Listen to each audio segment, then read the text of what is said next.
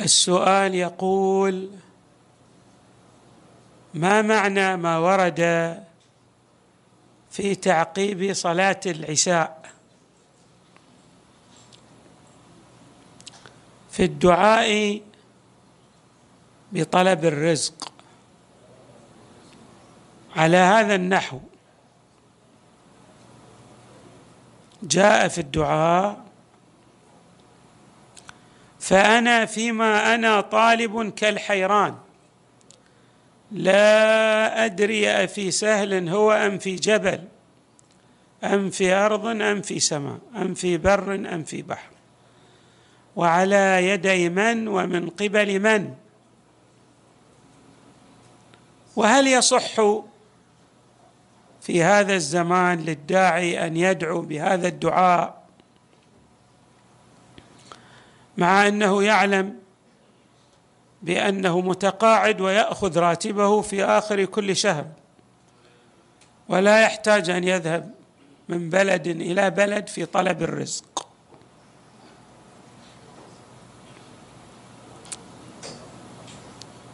هذا السؤال سألني عنه أكثر من سائل. وقبل أن نجيب على هذا السؤال هذا التعقيب نعم ورد في صلاة العشاء بسند إما صحيح أو حسن. يعني سنده سند طيب. بل يعني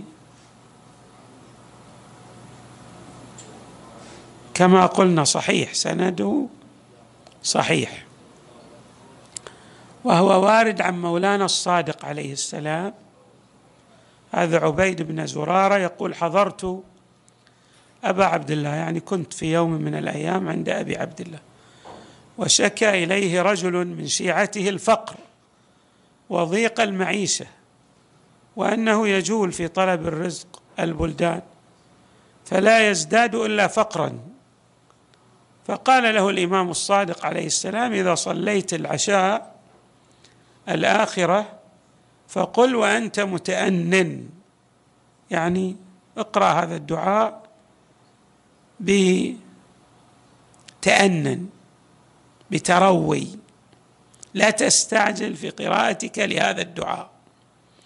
اللهم إنه ليس لي علم بموضع رزقي وإنما أطلبه بقطرات تخطر على قلبي إلى آخر الدعاء. الكلام في سند هذا الدعاء لا ينبغي أن نطيله. لماذا؟ لأن سنده كما قلنا إما صحيح أو حسن. فلا إشكال فيه من الناحية السندية. كلام في المعنى. يتصور السائل أن الرزق فقط ينحصر بالجنبه الماديه وبالتالي بما أنه متقاعد ويستلم الراتب في آخر كل شهر من حسابه يعني ينزل على حسابه البنكي فيتصور أنه لا يحتاج إلى طلب الرزق. وللإجابة على هذا السؤال الرزق لا ينحصر في الرزق المادي. الرزق له حيثيات متعددة.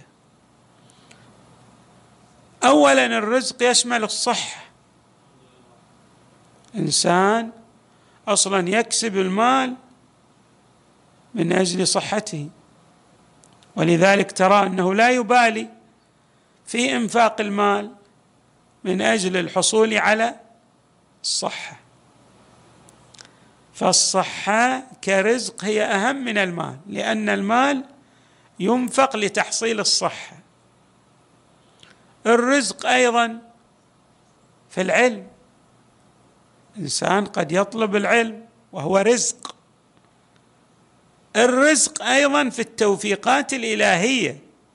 الإنسان يوفق لأن يبر والديه لأن يصل رحمه لأن يقوم بقضاء بعض الحوائج للمؤمنين. هذه أرزاق.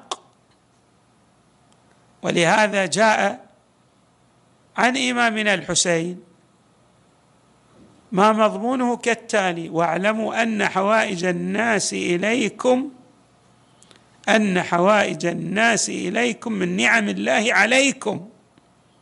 هذه نعمة رزق ساقه الله إليك تقضي حاجة غيرك فالله تبارك وتعالى يضاعف لك من عطائه ويغدق عليك من نعمه. هذا رزق. أيضا الرزق لا ينحصر بوجودنا في عالم المادة في الحياة الدنيا. الرزق أيضا له ارتباط بعوالم الغيب في الآخرة. واصلا الحياة الحقيقية كما يعبر القرآن الكريم. هي الحياة الحقيقية.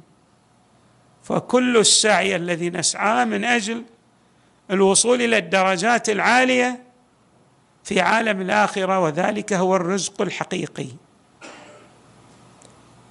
لهي الحيوان لو كانوا يعلمون يعبر القرآن لهي الحياة الحقيقية عالم الآخرة. أيضا ينبغي أن نلتفت. الرزق ليس فقط بلحاظ عالم الآخرة. وليس فقط بلحاظ التوفيقات لأداء الطاعات. الرزق أيضا في الولد والذرية. الانسان يرزق بذرية صالحة في زمانه وكذلك يرزق بذراري من الصالحين بعد موته بأحقاب.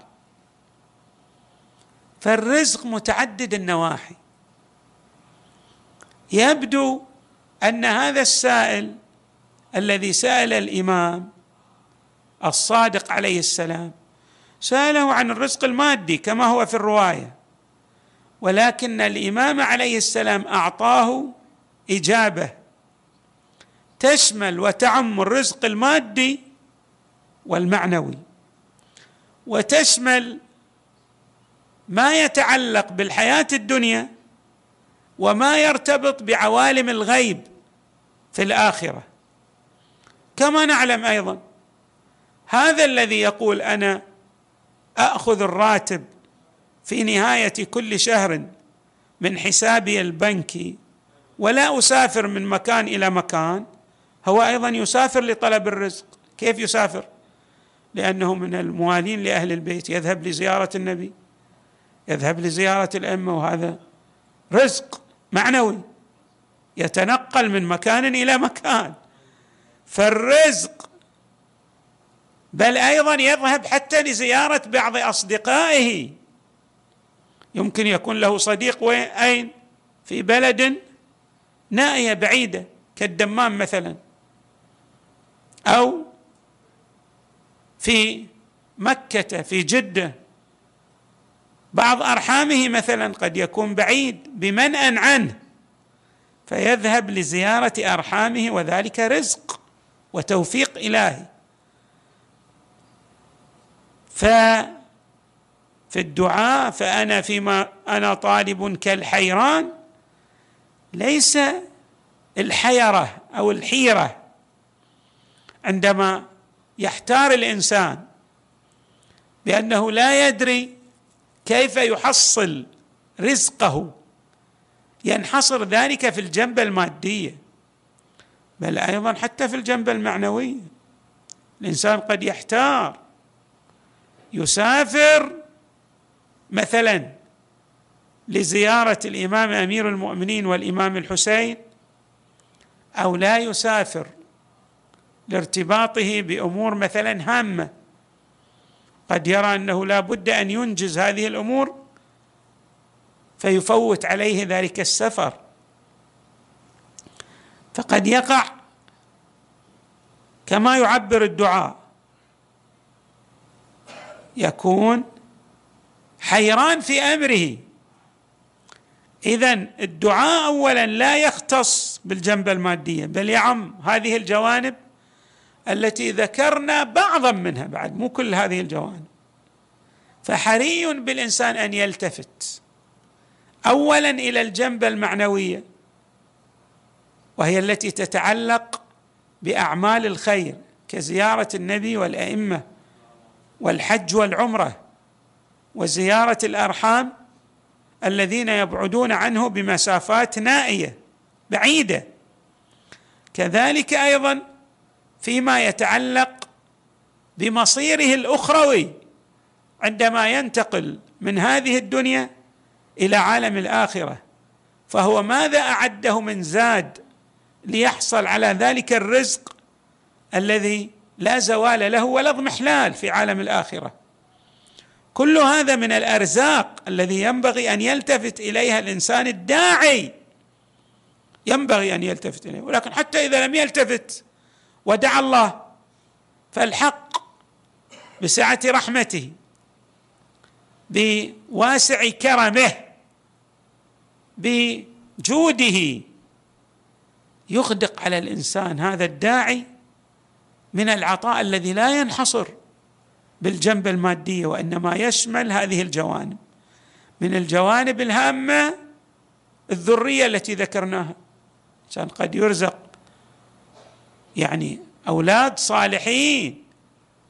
وهؤلاء أيضا رزقهم قد يكون من سفر إلى سفر.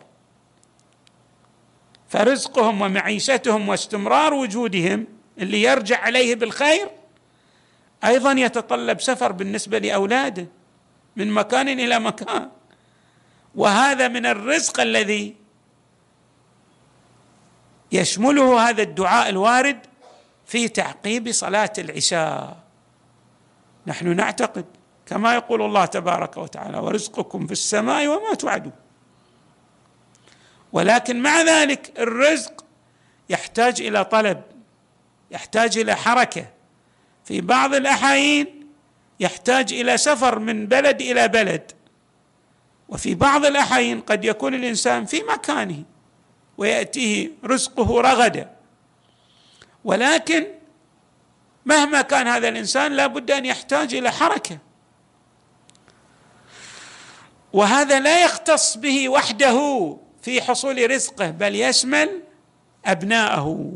فالدعاء له شمول وعموم يشمل هذه الحيثيات ويعم هذه الجوانب التي ذكرنا كما قلنا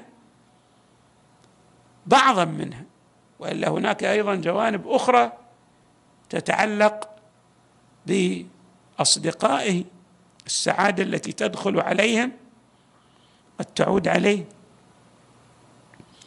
وهلما جرى أيضا قد يوفق كما قلنا أن يكون هناك عالم من بعض أبنائه هناك صالح هناك خطيب هناك مؤلف هناك قاضي للحاجات وكل هذا يندرج تحت مفهوم الرزق الذي قد يتطلب في بعض الأحايين السفر من مكان إلى مكان وقد تعتري الإنسان ماذا؟ الحيرة أو الحيرة. فيقول نعم فأنا فيما أنا طالب كي حيران؟ لا أدري أفي سهل هو أم في جبل أم في أرض أم في سماء هذا الرزق الذي يأتي. ليس بلحاظ ذاته فقط بل بلحاظ أبنائه وأصدقائه وعالم آخرته.